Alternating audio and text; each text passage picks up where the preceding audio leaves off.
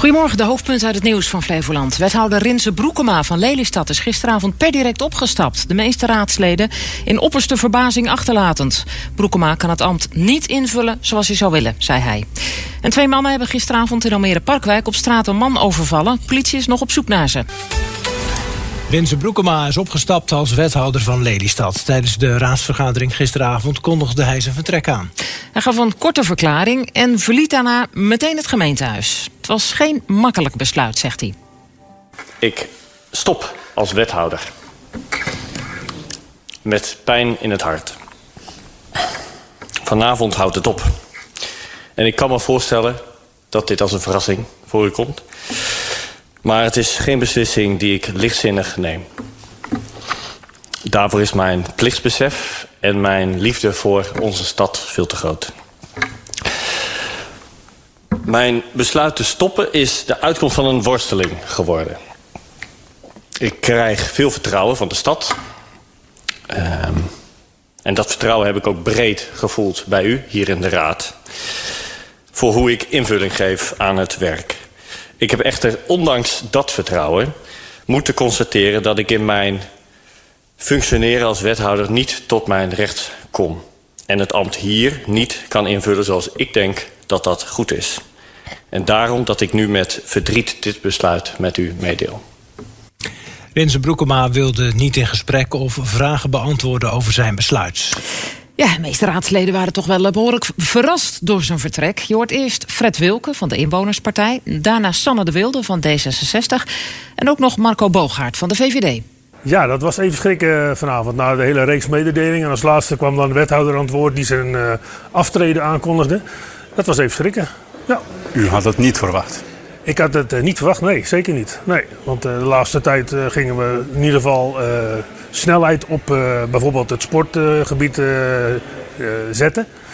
En ik dacht, we gaan de goede kant op. Maar deze had ik echt niet verwacht. Die had ik niet, aan, niet zien aankomen. Enige idee waarom?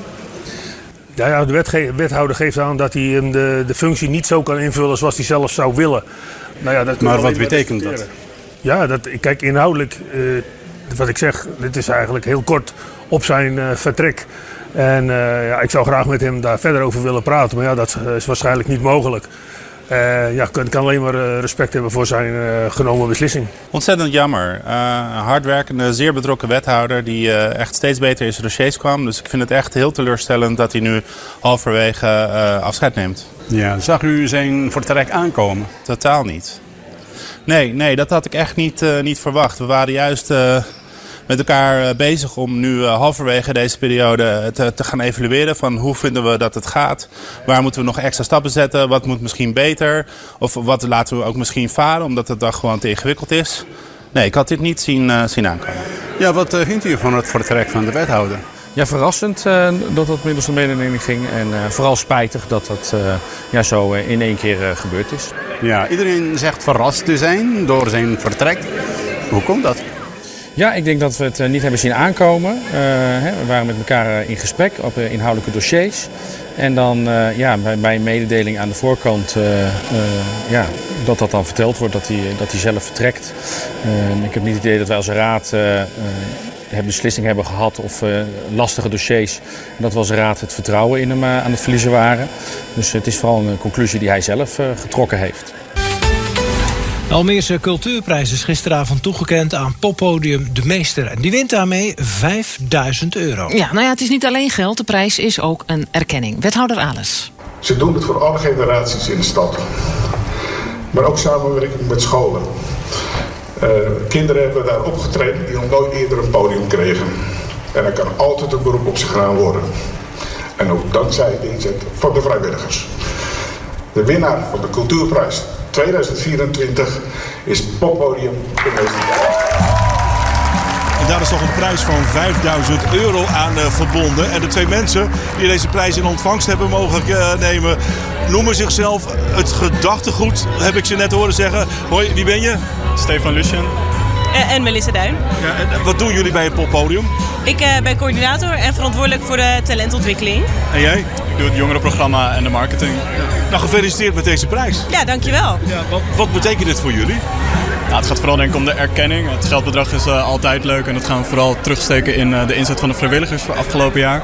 Uh, maar de erkenning is heel fijn, zeker met wat we net allemaal achter de rug hebben richting de politiek. Ja, wat hebben jullie achter de rug? Uh, er was best wel een roerige tijd betreft onze subsidie. Uh, wij vielen een beetje buiten de boot bij het huidige cultuurbestel. En daar is gelukkig twee weken geleden einddagen gekomen. Waardoor we nu uh, ja, structureel opgenomen worden in de culturele basisinfrastructuur. En dat betekent ook structurele inkomsten? structurele inkomsten is natuurlijk afhankelijk van de bezoekers die wij binnenhalen.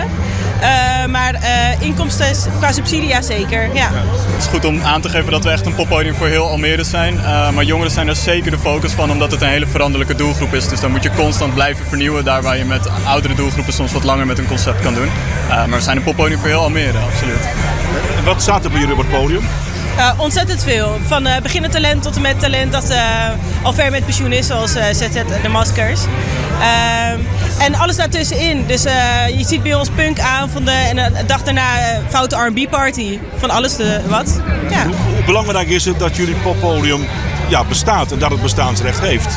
Ja, super belangrijk. Je bent natuurlijk een schakel niet alleen in een lokaal systeem. Uh, want ze gaan van de oefenruimte naar kleine cafeetjes, uiteindelijk naar ons poppodium. Uh, maar ook in het landelijke systeem. Ze gaan van een kleine zaal zoals de Melk, of uh, de meester, uiteindelijk door naar de Melkweg. En wie weet groter en tot over de grens. Dus ja, dit is best wel een belangrijke schakel in het hele systeem. Nou ja, wat is een grote stad zonder een poppodium zou je zeggen? Hè? Nou, zeker. Ja, zeker zo'n grote stad als Almere met zulke grote stedelijke ambities is dat wel heel erg belangrijk, ja. ja. En wat zijn jullie ambities? Onze ambities. Uh, vooral blijven doen wat we doen en waar we goed in zijn. En uh, nou ja, wie weet in de toekomst uh, groeien. Maar dat is nog toekomstmuziek. Nou, nogmaals, gefeliciteerd. Bedankt. Dankjewel. Dankjewel. In de wijken De Munten en De Gilde in Dronten zijn in het water meerdere bossen voor vissen aangelegd. Jij hoort het goed, bossen voor vissen. In deze takkenbossen kunnen vissen zich veilig voortplanten.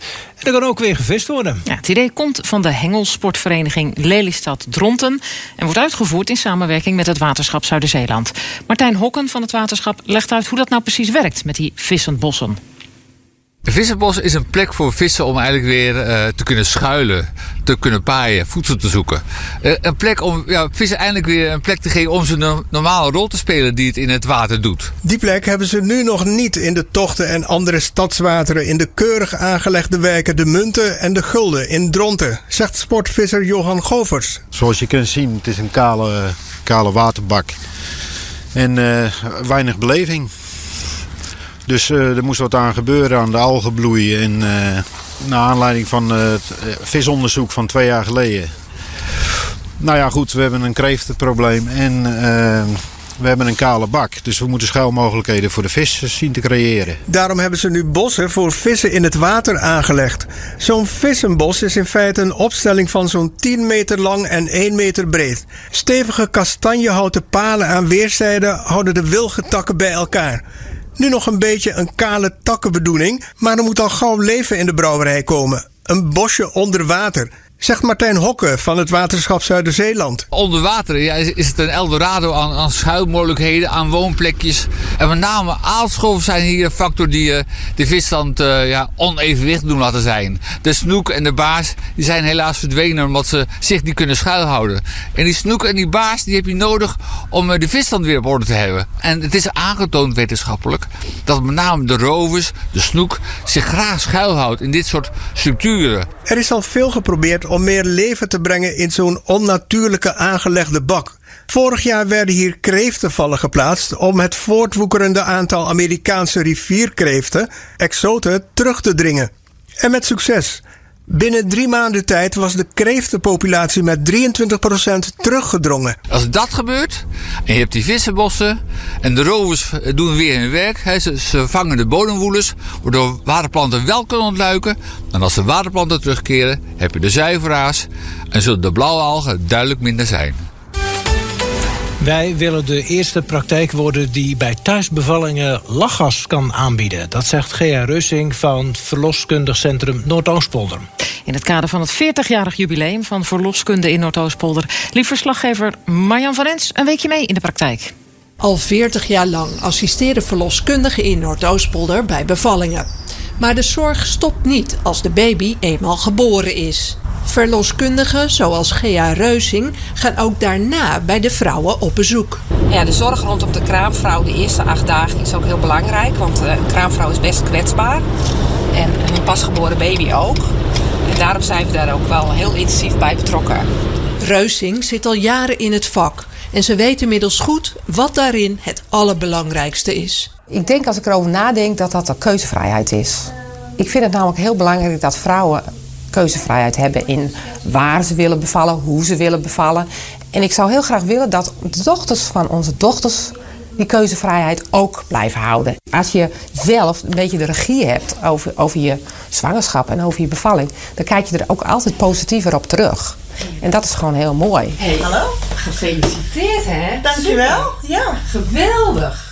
Toch is de keuzevrijheid van een vrouw tijdens een bevalling niet vanzelfsprekend. Landelijk gezien zijn de uh, tendensen, wat je ziet zeg maar, in Nederland. Uh, nou, willen ze eigenlijk dat, uh, nou ja, dat wij eigenlijk samen met de ziekenhuizen veel meer gaan samenwerken. Alles op één ja, bult bijna, wil ik wel zeggen. En dat willen wij eigenlijk dus niet. Wij willen eigenlijk gewoon die keuzevrijheid houden. En eigenlijk een verloskundige praktijk gewoon hier laagdrempelig dat mensen naar binnen kunnen komen. Dat willen we eigenlijk heel graag. Dat vrouwen zelf kunnen beslissen wat ze willen. Kijk ook even goed naar zijn kleur, hè? Nou, en wat ik zie is dat hij echt wel een vleugje geel is, hè? Je bent een vleugje geel, jongen. Ja. Ja, maar dat was jij aan een beetje, hè? Maar ik zie het roze er dus heel mooi doorheen, hè? Dus dat is hartstikke goed. Een vrouw moet volgens Reusing dus zelf beslissen. Wordt het een bevalling thuis of toch in het ziekenhuis? In een bad of bijvoorbeeld op een baarkruk? Keuzes te over. En in de toekomst wil het verloskundig centrum ook nog eens de eerste zijn die bij een thuisbevalling lachgas kan aanbieden. Lachgas is eigenlijk heel, ja, heel uh, onschadelijk. Het, of, onschadelijk. Het, het, heeft eigenlijk heel weinig negatieve consequenties voor de, voor de zwangere en het kindje. En uh, vrouwen gaan ervan ontspannen. Het is natuurlijk wel de natuurlijke lachgas, hè? dat is niet de horeca lachgas. En door die ontspanning, ja, dan krijg je natuurlijk goede bevallen. Uh, hormonen in je lichaam en ook je natuurlijke pijnstilling gaat dan werken. Dus dat werkt soms best wel goed. Als het bezoek aan de kraamvrouw erop zit, moet Reuzing weer verder. En omdat bevallingen niet te plannen zijn, werkt ze soms dag en nacht achter elkaar door. Nou, ik vind het zelf ook wel pittig. Maar er zit altijd wel een uurtje, soms wel twee uurtjes tussen, dat je daar best wel even kan slapen. En dan, uh, dan ben je er eigenlijk wel weer. Het is het waard. Het is het zeker waard, ja, zeker. Ja. En dan de berichten van buiten Flevoland. Gemeenten doen te weinig om mensen met schulden te helpen. Dat zegt de nationale ombudsman. Gemeenten krijgen een centje als mensen bijvoorbeeld de huur niet meer kunnen betalen... zodat ze actie kunnen ondernemen. Maar hoe snel je hulp krijgt, hangt af van waar je woont. We hebben tien gemeenten onderzocht en de verschillen zijn heel groot. Sommige gemeenten volstaan met het schrijven van een brief waarin staat: We horen dat u een schuld hebt. Hoe zit het er eigenlijk mee? En anderen zeggen op het signaal wat ze krijgen: We gaan eens even heel erg intensief spreken met dit gezin of met dit huishouden. Wat is er aan de hand? Hoe kunnen we ondersteunen en hoe kunnen we zorgen dat die problemen niet groter worden dan ze al zijn? De ombudsman vindt dat de minister-gemeente moet aansporen om sneller hulp te bieden. Het Openbaar Ministerie wil nog steeds advocaat Ines Wesky vervolgen voor deelname aan een criminele organisatie. Ze was de advocaat van Ridwan Taghi en zou informatie van hem vanuit de gevangenis hebben gedeeld met de buitenwereld. Toem wilde haar vorig jaar over de rechter brengen, maar haar advocaten zorgen voor vertraging, zegt de hoofdofficier. Er worden allerlei formele verweren op dit moment gevoerd uh, door de verdediging van mevrouw Wesky. En dat betekent dat wij op dit moment nog niet uh, naar zitting kunnen. En op het moment dat die verweren uh, zijn afgerond en wij klaar zijn om die dagvaarding uit te brengen, dan zullen we mevrouw Wesky daar als eerste van informeren. Ja, Wesky was al geschorst als advocaat. Groot feest bij NEC. Voor het eerst in 24 jaar staan de Nijmegenaren in de finale van de KNVB-beker na de overwinning op Cambuur. Het werd 1-2 in Leeuwarden. Dan is het afgelopen. Heeft NEC de buit binnen. Zij gaan voor de vijfde keer in de geschiedenis naar de finale van de KNVB-beker. En bij Cambuur liggen ze uitgeteld, uitgeput en uh, helemaal op op het veld. Tegenstander wordt of Feyenoord of FC Groningen. En dat weten we morgenavond. Ja, wel jammer. Heeft toch wel een beetje mijn sympathie hoor, die club. Cambuur. Maar er was, was wel een verlenging voor nodig, dus het was echt wel spannend. Ja.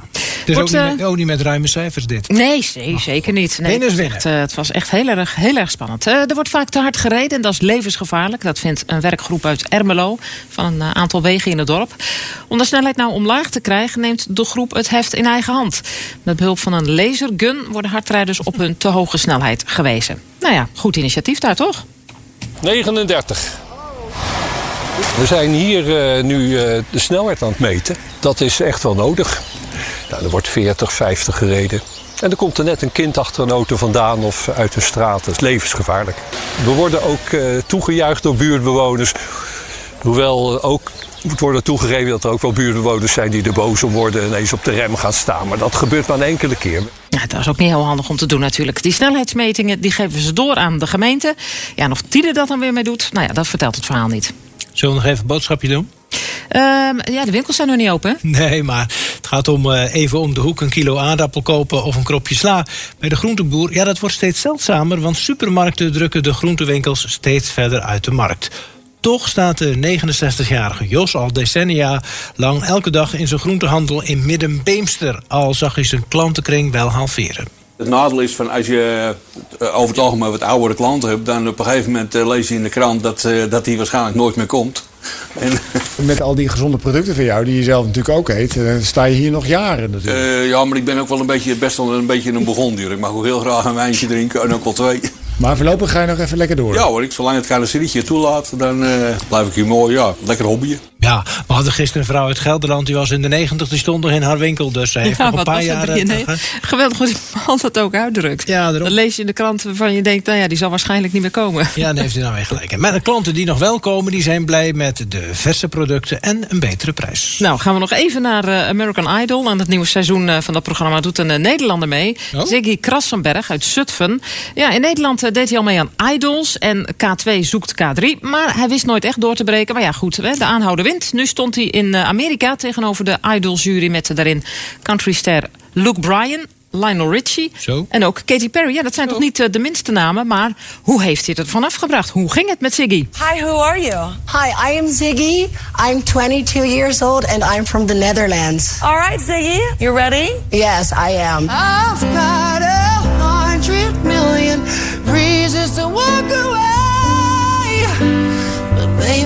Just need one good one to stay. Wow. God gave you a gift. Amen. I want America and especially the people back in the Netherlands to finally know who you are. Nou, mooie woorden toch voor Ziggy. Hij is dus door naar de volgende ronde. Nou, hij zal toch eh, fantastisch blij zijn. Ach, en die ene valse noot, die is hem natuurlijk vergeven.